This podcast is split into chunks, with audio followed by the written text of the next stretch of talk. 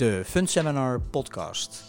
Voor informatie en inspiratie in vermogensbeheer. De Fundseminar podcast wordt mogelijk gemaakt door OBAM. Welkom bij de podcast van Fundseminar. Leuk dat je luistert. Vandaag zitten we aan tafel met Jeroen Brenningmeijer. Na een carrière bij Kemp Co, Nagenius Cenk en Oyes en Van Egen, nu founder van Bruin en Brenningmeijer. Jeroen stond in het voorjaar van 2019 op het hoofdpodium van Fund Seminar Services. Daar sprak hij over hoe de praktijk voor zelfstandig vermogensbeheer wordt gewaardeerd bij een eventuele verkoop.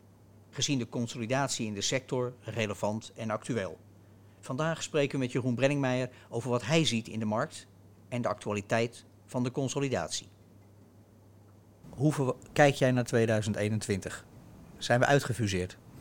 Nee, nee. Uh, ik denk dat er uh, nooit uitgefuseerd zijn, omdat er uh, even in het algemeen altijd wel weer nieuwe partijen toetreden. Ehm, ehm, maar ik denk daarnaast dat Nederland nog steeds een markt is waarin geconsolideerd kan worden. Alleen dat gebeurt natuurlijk niet in het tempo waarvan iedereen verwacht dat dat in golven gaat. Um, dat is een proces dat, uh, dat heeft te maken met demografie, de leeftijd van bedrijven en de eigenaren van bedrijven. En dat heeft te maken met wet en regelgeving.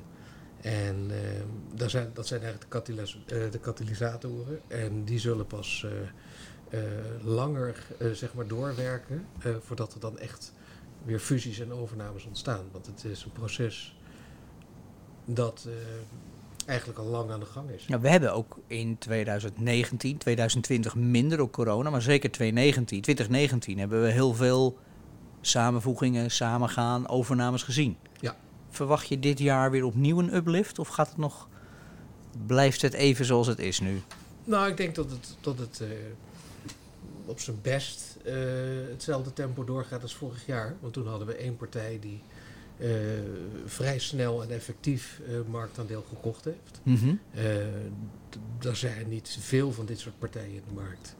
Dus het zal eerder weer zeg maar wat, wat minder snel gaan. Maar misschien zullen er wel nieuwe toetreders komen die alsnog in Nederland de positie zouden willen verwerven. Um, en ik denk dat er binnen Nederland zelf dat het best ingewikkeld is om zomaar op deze voet door te gaan. Ja, je zegt marktaandeel gekocht heeft, maar groeit die markt dan als geheel? Het aantal particulieren wat bij een ZV'er zijn vermogen belegt, groeit dat volume? Uh, het groeit wel, zeker. Uh, en de kans is ook dat het veel harder kan groeien. Mm -hmm. uh, en als we even terugkijken naar wat er de afgelopen periode is ge gebeurd, dan denk ik dat het duidelijk is dat hè, de, er veel meer nodig is zeg maar, om zeg maar, de, hè, de huidige marktaandeel van de grootbanken uh, echt te challengen. Dat, dat daarvoor ook de, de zelfstandige partijen gewoon een bepaalde mate van omvang moeten creëren. En je ziet dat partijen die dat lukt, mm -hmm. en dat, is een heel, het zijn partijen die een hele lange adem hebben gehad. Maar als je boven de 1, 2 miljard uitkomt, dan ben je op een gegeven moment wel een serieuze partij. En dan zie je dat de klanten die daar naartoe gaan, dat die ook vaker dus zeg maar meer van hun eigen uh, geld naar één partij durven te brengen. En nu zie je nog dat de rijkere mensen vaak het over twee of drie adressen uh, versnipperen. Ja, ja. Um, om het bij die fusies te houden, als iemand luistert en die overweegt overgenomen te worden, wat kan je in eerste instantie adviseren? Nou, ik denk dat veel mensen niet zeg maar um, bezig zijn met het uh, overwegen om overgenomen te worden. Uh, de motivatie om uh, zeg maar, verder te gaan in een grotere partij, die, mm -hmm. die heeft een paar drijfveren. En de, een daarvan is prijs. Hè, wat, wat krijg ik ervoor terug? Nou, de prijzen die tegenwoordig betaald worden zijn aanmerkelijk lager dan tien jaar geleden. De tweede drijfveer is dat ze door wet en regelgeving zo ongelooflijk zeg maar, uh, niet bezig zijn met het spelletje wat ze leuk vinden, maar met het gedoe eromheen. Mm -hmm. um, en de derde drijfveer is dat ze uh, op enig moment uh, natuurlijk ook continuïteit voor hun klanten zoeken. Doordat ze zelf een bepaald leeftijd bereiken van nou, over drie of vijf jaar moet ik het over kunnen dragen. En ik heb niet noodzakelijk die mensen nu in dienst. Hoe krijg ik dan eh, hè, die- hoe kan ik die klanten dan eh, zeg maar op een nette manier ook daarna nog eh, een dienstverlening aanbieden? En dat zijn allemaal aspecten die dus per vermogensbeheerder verschillen. Ja, maar interessant is ook dat je net zegt, een grotere partij krijgt meer share of wallet. Ja. Dus als je gewoon je vak serieus neemt en, en, en ja, je wil groeien, je bent ambitieus, als je ondernemer bent en zelfstandig vermogensbeheerder, dan is je aansluiten bij iets groters niet meteen iets negatiefs. Ja, maar dan ga je voorbij aan de emotie van de zelfstandig vermogensbeheerder. Want de zelfstandig vermogensbeheerder Zijn dat gewoon mensen dan? Nou, dat zijn gelukkig zijn dat gewoon mensen. Dat is hun kracht. Maar het zijn ook mensen die ooit een keuze hebben gemaakt om voor eigen rekening een risico te gaan ondernemen. Mhm. En dus de mo- motivatie daarvan is vaak eh, geweest dat ze vonden dat ze te veel beperkt werden in de vrijheid om voor een klant de goede beslissingen te nemen. Va- vaak ook beleggingsinhoudelijk. En of dat nou gaat over, nou, we gaan nu alleen nog maar in beleggingsfondsen beleggen, dus je mag niet meer individuele aandelen adviseren. Mhm. Of, eh, of het omgekeerde. Hè? Eh, dat, dat, dat grotere partijen dat hebben gezegd. hè, En dan hebben ze klanten gehad die zeiden van... joh, ik wil graag dit en dat doen. Waarom eh, ga je niet voor jezelf beginnen? Dan ga ik wel met je mee. Dat is vaak de motivatie geweest, de start Mhm. geweest... om weg te gaan. En met name omdat de, de, de grootbanken... het risico van het individuele advies van een, van een ge- belegger... die voor hem werkte, wilde beperken. Dat heb je door de AMBAS gezien in Doetinchem waar beleggingsclubs omvielen. Eh, het centraliseren van het beleggingsbeleid bij de andere grootbanken. Dat is vaak zeg maar de, de push-factor geweest om weg te gaan. En de pull-factor van die mensen was toen de tijd, het was een gunstig verdienmodel. Je had retrocessies, et cetera, et cetera. Dus je kon ook snel eh goede boterham verdienen. Nou, die markt is redelijk karig geworden. Dus Mhm. je moet nu echt heel hard werken voor een fatsoenlijke boterham. Dus, maar die mensen zijn wel heel erg gehecht aan hun eigen opinie over eh, de bes- beleggingsbeslissingen die ze nemen. Dus om twee partijen bij elkaar te brengen, of alleen maar te zeggen van nou het is een efficiënte eh, beslissing om morgen eh, me ergens anders aan te sluiten, betekent ook een stuk auto autonome besluitvorming weggeven. En dat vinden ze moeilijk. Je zegt twee partijen bij bij elkaar brengen, maar misschien moet je wel meer dan twee partijen bij elkaar brengen Ja. om tot een landelijk dekkend netwerk te komen.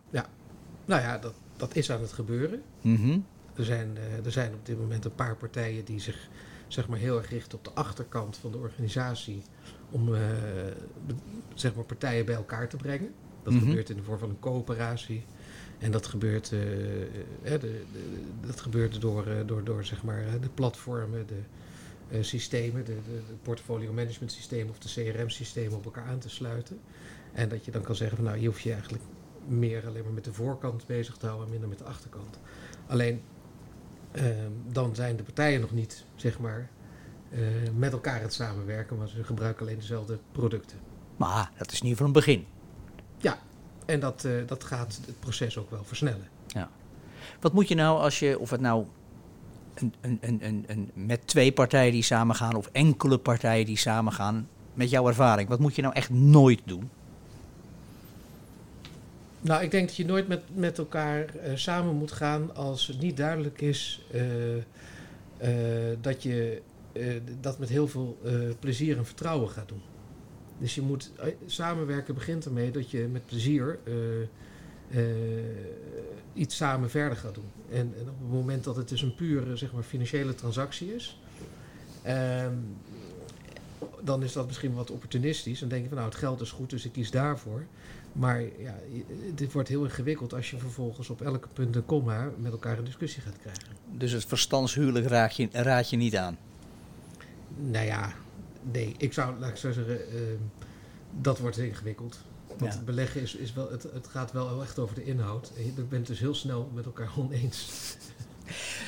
Terug naar een ander onderwerp. We hadden het kort er al even eerder over. Ehm, 2021 biedt wel alleen maar kansen voor de zelfstandige vermogensbeheerder. Er gebeurt veel, veel ontwikkelingen. Welke kansen zie je zelf?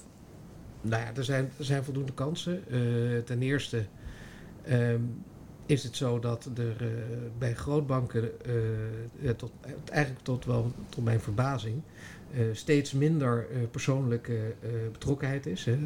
Mhm. Ik denk dat nu bijna alle grootbanken eigenlijk geen persoonlijke eh, relatiebeheer meer bieden onder een vermogen van 500.000 euro. De, de laatste grootbank eh, die daar dit jaar mee begonnen is, dat was misschien wel de laatste van wie we het verwacht hadden. Maar dat, dat, dat gaat betekenen dat met name zeg maar een beetje in het, nou, laten we noemen het retail plus segment. Dat klinkt heel oneerbiedig, maar ik Mhm. denk dat elke klant een serieus partij is. Maar de- die is straks eh, bij de grootbank, eh, heeft geen eh accountmanager meer.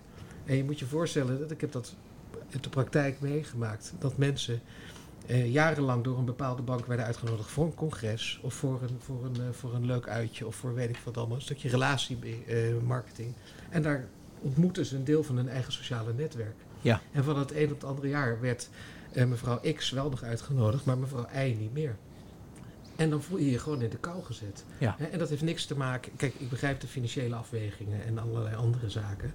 Maar dat is voor die mensen wel belangrijk geweest. En die mensen die voelen zich dan echt verlaten. En die gaan dan op zoek naar iemand die wel nog eh, een beetje persoonlijke aandacht biedt. Dat snap ik. En, en dus liggen er in dat segment, wat jij Retail Plus noemt, voor de zelfstandige vermogensbeheer, Ja. kansen. Ja, die kansen liggen er. Eh, Met de focus dus op een persoonlijke dienstverlening. nou, wat mensen heel erg op prijs stellen. Vroeger had je ook zeg maar, de assurantie tussenpersoon. Ja, Dat was zeg maar de, het mannetje om de hoek. Kleinschalig, een klein kantoortje. Ehm, maar het was wel een mannetje om de hoek. Die adviseerde ongelooflijk veel klanten. Hè, en door dat distributiekanaal ook aan, zeg maar, hè, aan, de, aan de verzekeringsproductenkant hè, de eh, is het ook allemaal veel minder geworden. Ehm, maar dat is voor de, voor de mensen nog steeds een, een belangrijke go-to. En eh, dus als je goed georganiseerd bent. Want kijk, het probleem is wel het verdienmodel. Heel veel klanten is niet noodzakelijk heel rendabel. Dus je moet het heel goed, zeg maar, administratief en, en, en, en, en software technisch goed hebben opge, eh, georganiseerd om, om, om het tot een winstgevende operatie te maken. Dat is een beetje de weg waar we nu in zitten. Wat in 2021 met een aantal eh, eh, stappen eh, ja, wel zou kunnen gebeuren. dan tot slot. ehm, er komen vanaf juni een nieuw Investment Firm Regulation and Directive. Hè, de, komt, Ja. komt, wo- wordt van kracht. Ja. Verwacht je daar nog impact van? Op termijn wel. Ehm, kijk, de rapportageverplichting naar de toezichthouders is nu al eh, vrij intensief. Pittig, ja. Eh, maar die gaat toe- toenemen. Het wordt, eh, wordt vaker, de, intensiever, uitgebreider. Dus daar ben je gewoon meer tijd mee kwijt. Daarnaast, maar dat gaat wel over een periode geloof ik van vijf jaar voordat dat helemaal allemaal is geïmplementeerd. Gaat ook, eh, zeg maar, het eh, minimale eh, eigen vermogen eis gaat ook wat omhoog. Maar Mhm. dat zijn relatief nog kleine stappen. Als je naar België gaat, daar heeft de centrale bank op een gegeven moment gezegd dat het minimale eigen vermogen van een beleggingsonderneming gewoon echt substantieel hoog moest zijn. Gigantische consolidatie. In partij in België zijn er nog maar 27 eh, individuele vermogensbeheerders. En dat waren er eh, ook. eh, En hoe lang, eh, hoe lang duurt het voordat Alex Hilgevoort op dat idee komt in, in Nederland? Nou, ik, ik denk dat, dat wij in Nederland, ondanks het feit dat het niet altijd wordt gepercipieerd door de, de marktpartijen, maar dat we relatief gezien nog een best wel meewerkende toezichthouder hebben, die het individuele eh, vermogensbeheer, het persoonlijke vermogensbeheer, eigenlijk nog wel eh, eh, goed, goed, ter wille is. Maar ze zien wel, hè, ze willen die wel dat de omvang van de partijen eh, minder kleinschalig. Hè? Dus, dus, dus partijen met, met, met, met een heel beperkte organisatie. Mhm. Daarvan denk ik dat, dat zullen ze niet hardop zeggen, maar ik denk dat ze liever zouden zien dat dat wat meer bedrijfsmatige organisaties worden, waarbij er ook echt een goede back-office is en een goede compliance officer, et cetera, et cetera. Dus ze zullen het zeker niet de nek omdraaien. Maar je merkt gewoon dat hier in Nederland gebeurt alles een beetje op poldermodel. Hè? Dus weinig weerstand, weinig heuveltjes die je over moet. Maar de verkeersdrempels worden wel steeds hoger. Dankjewel Jeroen. Tot zover. Fijn dat u luisterde. Mijn naam is Richard Neven. Tot volgende week bij de Fund Seminar podcast. Inspiratie en informatie in de wereld van vermogensbeheer. De Fund Seminar podcast wordt mogelijk gemaakt door OBAM.